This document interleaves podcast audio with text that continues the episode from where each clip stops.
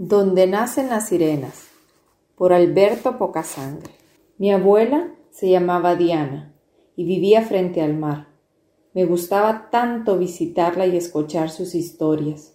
Era sonriente, amigable y tenía los ojos más verdes y resplandecientes que he visto.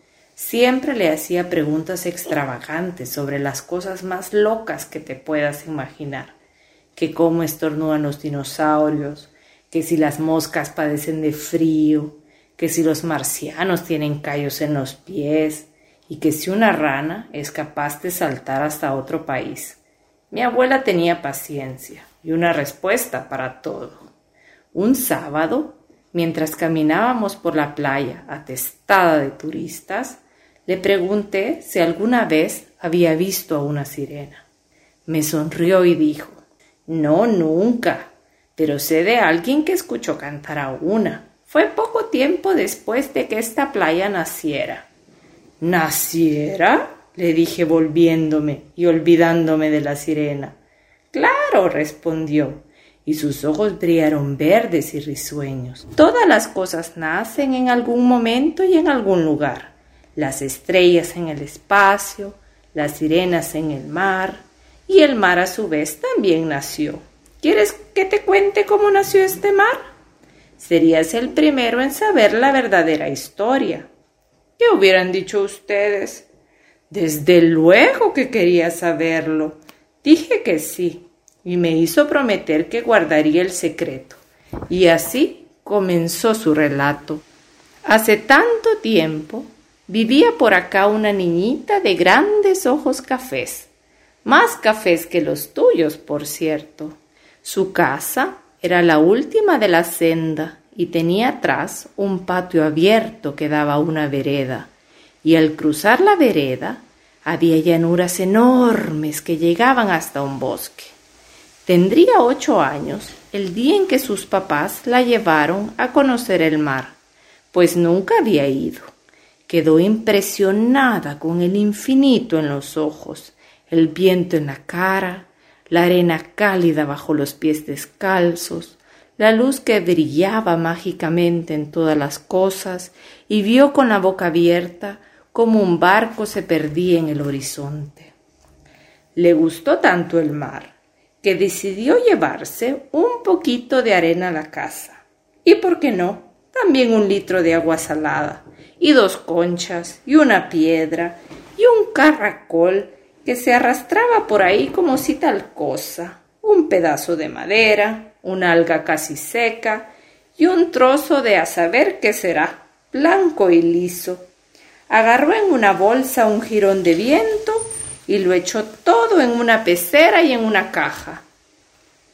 Al llegar a casa, escogió un rincón del patio, cavó un agujero, le puso un plástico para que la tierra no se bebiera el agua y echó ahí el litro de mar salado y espumoso. Y ah, qué alegrías que da la vida. Un pececito se había colado y saltaba contento. Puso arena alrededor, puso un trozo de madera, las conchas, soltó al caracol, quien de inmediato y a la velocidad increíble de un caracol se ocultó en la arena. Metió el alque en el agua, el pedacito de a saber que será blanco y liso, y admiró su obra. Esa noche durmió soñando con la playa, con su playa. Al otro día el charco se veía distinto y la niña descubrió que ya no era solo un pez el que estaba en su pequeño mar, sino tres. ¿De dónde habrían salido? A lo mejor venían escondidos en el alga, pero ¿qué importaba?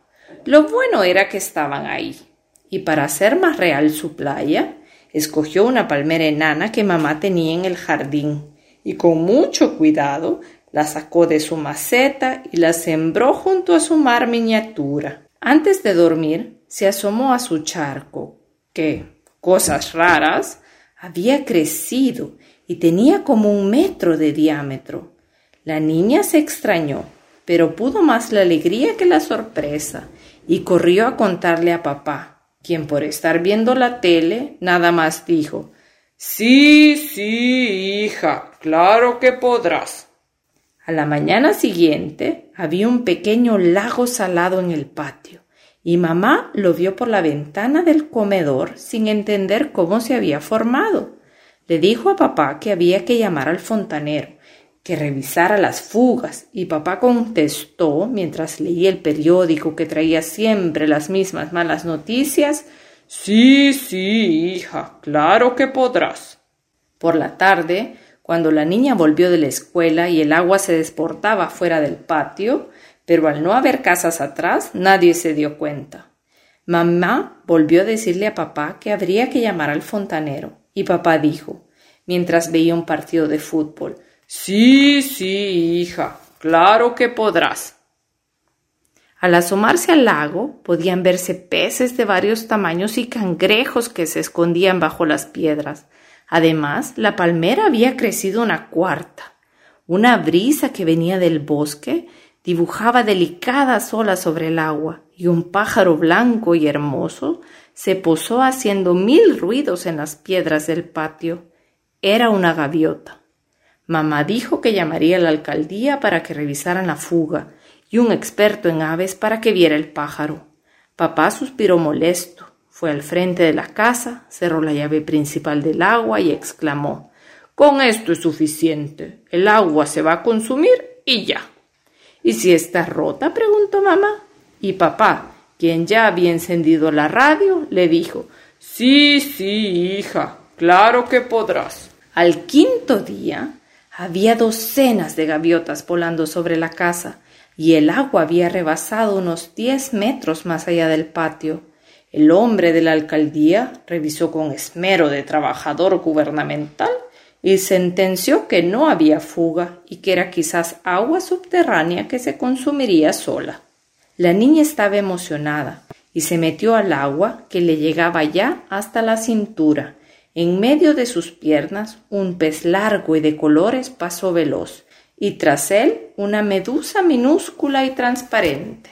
Mamá no estaba muy convencida de que aquello fuera cosa de risa, pero se sentaron juntas al noveno día al ver cómo de la laguna que ya tendría un kilómetro de diámetro saltaban dos delfines haciendo maromas y dejando escuchar su peculiar risa, que algunos imitan tan mal, algo como La niña aplaudía feliz y mamá no salía del asombro y se rascaba la cabeza tratando de entender de dónde había salido todo eso. Papá nada más decía No sé qué hacen sentadas ahí perdiendo el tiempo.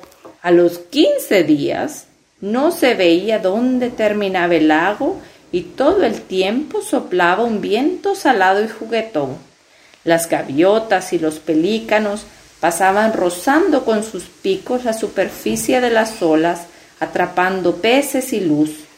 Por las noches, enormes seres acuáticos se asomaban a la orilla y lanzaban chorros de agua que entraban por la ventana de la cocina y lo empapaban todo. Mamá se molestaba a veces y papá se limitaba a mover un poco su silla para que no se mojara su periódico. En las madrugadas se oía a lo lejos un canto, como el de una sirena.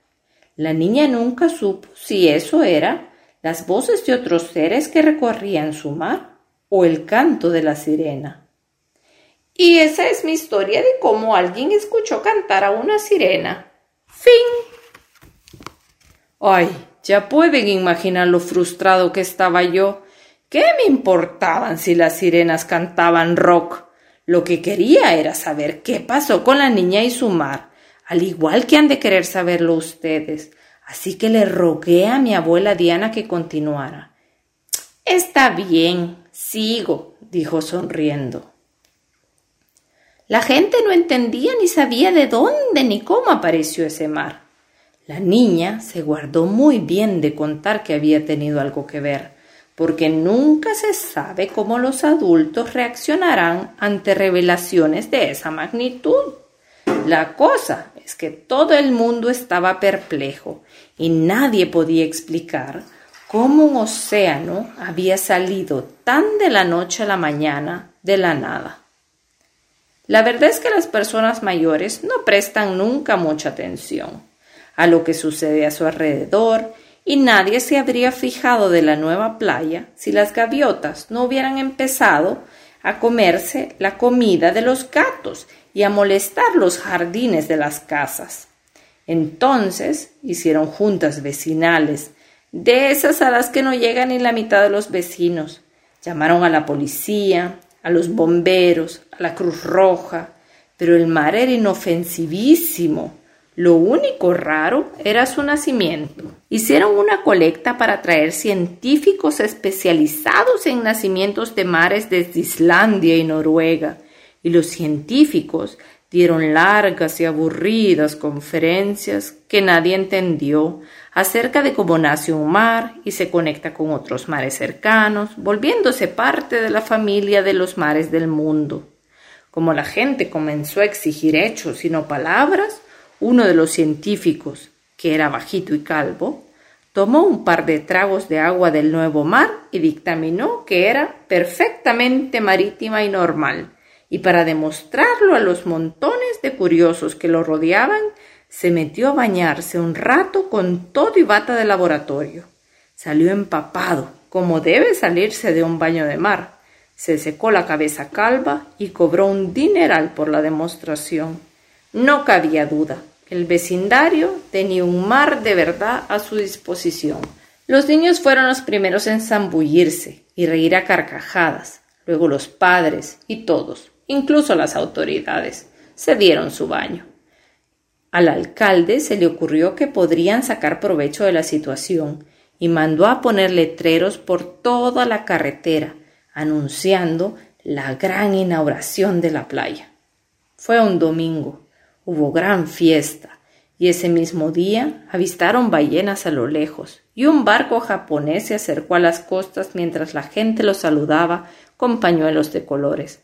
La playa gustó tanto que desde entonces y de eso ya 60 años, es una de las más famosas y visitadas. En este punto mi abuela cayó, me miró con sus ojillos verdes y maliciosos y dijo No me crees, ¿verdad? Yo no sabía si creerle. La playa era hermosísima y mi abuela no mentía nunca. Además, tengo una prueba, me dijo. Yo conocí a la niña que empezó todo esto y puedo asegurarte que es cierto. Se llamaba Diana. Abuela, igual que tú, le dije.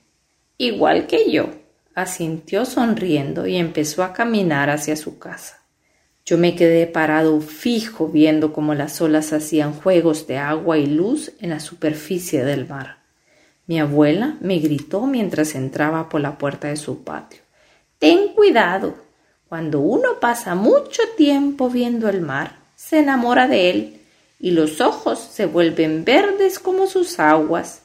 Mira los míos, eran más cafés que los tuyos hace ya tanto, tanto tiempo. Fin.